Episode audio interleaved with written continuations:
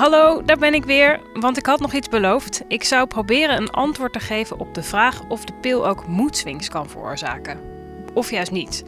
Daar kregen we superveel vragen over op de redactie, zoals Hanna bijvoorbeeld. Hi Trace, ik ben benieuwd uh, naar de connectie tussen depressieve gevoelens en de pil. Ik heb namelijk veel vriendinnen die gestopt zijn met de pil en die zeggen dat ze zich sindsdien uh, veel beter voelen. Um, ik ben benieuwd of uh, mijn stemmingswisselingen ook komen door de pil. Om, maar ik weet eigenlijk niet meer hoe ik me voelde voordat ik de pil gebruikte, omdat ik al sinds dat ik een tiener ben aan de pil zit. Um, ik hoop dat jullie deze vraag voor mij kunnen beantwoorden.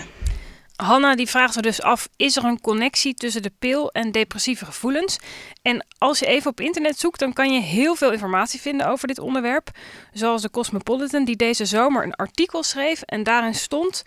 We weten ondertussen dat de anticonceptiepil voor bijwerkingen kan zorgen als mood swings. En ook één vandaag, die besteedde daar aandacht aan dit jaar. Zij interviewde twee vrouwen over dit onderwerp. Laten we even luisteren. Nadeel voor mij persoonlijk was uh, dat het best wel effect heeft op je, uh, ja, je gemoedstoestand. Je voelt je ook echt heel anders als je niet aan de pil zit. Dat, ja. dat duurt even voordat je dat effect merkt, maar het is echt heel anders. Maar is het echt zo? Is er een link tussen de pil en moedswings? Dat wil ik uitzoeken en dat doe ik wederom niet alleen. Want ik heb researcher Michelle weer de studio ingetrokken. Hoi, ik ben er weer. Je bent er weer. Want jij hebt dit uitgezocht. Ja. En eigenlijk moeten we beginnen bij de bijsluiter. Ja, die heb ik eigenlijk als eerste opgezocht. En daarin staat het onder het kopje vaak voorkomende bijwerkingen. Wat betekent dat tot 10% daar last van heeft. Ja. En dan gaat het om een depressieve stemming of een stemmingsverandering. Oké, okay. maar dan hoor ik nu al best wel veel verschillende termen. Stemmingsverandering, depressieve stemming. Uh, de Cosmopolitan had het over mood swings. Hanna had het over depressieve gevoelens. Ja, je merkt al, ik merkte zelf heel snel dat alles op één hoop wordt gegooid. Dus ze gebruiken al die termen een beetje door elkaar heen. Dus ik dacht ook, het gaat eigenlijk over mentale verandering. Dus ik ben gewoon eigenlijk maar in al die termen gedoken en ge ja. heb gekeken wat kan ik daarover vinden. En wat heb je gevonden? Ik heb een groot uh, onderzoek gevonden waarbij Amerikanen hebben gekeken naar 50 verschillende onderzoeken. Ja. Die zijn gedaan over de periode van 30 jaar. Nou ja, die hebben ze eigenlijk naast elkaar gelegd en met elkaar vergeleken. En daar kwam uit dat ze geen verband konden zien tussen de anticonceptiepil en moed of depressie of psychologische bijwerkingen. Want dat zijn de drie termen waar ze op zochten. Ja, dus er is niks. Nee, zij kon eigenlijk niks vinden. Maar wel belangrijk om te zeggen is dat ze ook zeiden dat het heel moeilijk was om ze naast elkaar te leggen omdat ze gewoon heel erg verschilden in werkwijze, die onderzoeken. En ook hoe ze bijvoorbeeld depressie meten of hoe ze mood dan meten. Dus ze zeiden ook wel, het wil niet zeggen dat het er niet is. Wij kunnen het alleen niet vinden. Maar hadden ze dan een soort aanwijzingen voor dat het er misschien wel zou zijn? Of hadden ze echt helemaal niks gevonden? Ja, ze suggereerden een beetje eigenlijk dat die groep die er last van zegt hebben, die is er. En het zou kunnen dat zij een eigenschap delen, dat ze last hebben van een fysieke of een psychologische stoornis, of, of het kan ook veel kleiner zijn, die heel slecht samengaat met de pil. Mhm. Dus ze noemden bijvoorbeeld een angststoornis of vatbaarheid voor stress. Ze noemden ook uh, uh, mensen uit Zuid-Azië of cacaoziërs. Maar goed, dat zijn allemaal zulke kleine aanleidingen. Dus ze hebben dat ook niet bewezen. Er moet verder onderzoek komen om dat wellicht dan aan te tonen Ja. dat het er is. Ja. Maar dan ben ik heel benieuwd, want we kijken wel vaker naar de standaarden van het Nederlands Huisartsengenootschap. Dat zijn echte richtlijnen die gaan over dit soort onderwerpen. Die is er ook voor anticonceptie. Die zijn vaak heel transparant, want er staan allerlei wetenschappelijke bronnen bij. Er wordt regelmatig geüpdate. Staat er daar iets over eh, dit onderwerp in? Die heb ik er inderdaad weer even bijgepakt. En daar stond eigenlijk vrijwel niks over in. Waar ik zelf heel erg verbaasd over Ja. was. Omdat je het toch heel vaak om je heen hoort. Het stond vermeld onder de hormoonspiraal. Als een klacht waar mensen soms last van kunnen hebben. Maar in relatie tot de pil stond Niks. er niks over in. Dus ik heb ze even gebeld. Dus daar kunnen we even naar luisteren. Ja, dat klopt. De standaard is eh, gepubliceerd in 2011, dat is al enige tijd geleden. En er zijn op dit moment eh, tot die tijd geen duidelijke onderzoeken verschenen waarin een dergelijk verband werd aangetoond. Wat niet wil zeggen dat het er niet is. Dus, eh, en bovendien was het niet een heel belangrijk knelpunt om eh, te bespreken. Dus in de, in de richtlijn probeer je vooral de, de grote punten waar vragen over zijn te, te behandelen. En dat was het toen niet. Maar inmiddels, eh, nee, inmiddels is de richtlijn wel in herziening. En, en gaan we de vraag van is er een verband tussen anticonceptie en, en depressieve stemming, gaan we wel onderzoeken. Dus het wordt nu wel meegenomen. Wat hebben jullie tot nu toe gevonden? Ja, dat is wat lastig uh, te zeggen. Er is een, uh, 2016 een grote Deense studie verschenen onder uh, 1 miljoen vrouwen. En daarvan hebben ze gekeken hoeveel daarvan anticonceptie gebruiken en hoeveel vrouwen antidepressiva gebruiken.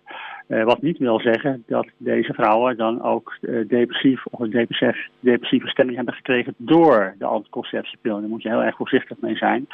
Maar die studie die wordt in ieder geval meegenomen en geanalyseerd.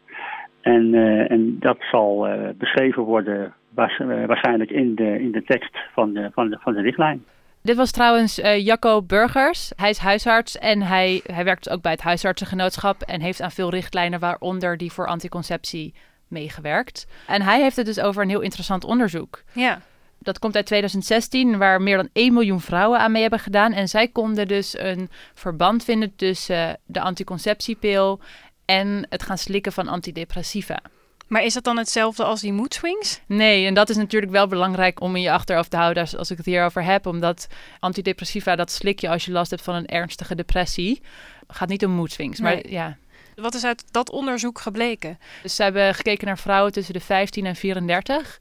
En ze vonden dat zij een, een verhoging van 20% hebben om uh, antidepressiva te gaan slikken. En zelfs tieners, dus dat is dan tot 19 jaar, die hebben 80% meer kans. Dat is echt heel veel. Ik vroeg dat dus ook aan Jacco en die vond dat zelf wel meevallen. Kijk, het is wel van belang dat, dat er nu niet al een stemming gaat ontstaan. Een stemming, stemming, een beetje dubbelzinnig het woord. Van, eh, dat je dus uh, uh, somber of depressief van de pil kan worden. Want gelukkig komt het maar, is een depressieve stemming sowieso komt maar weinig voor.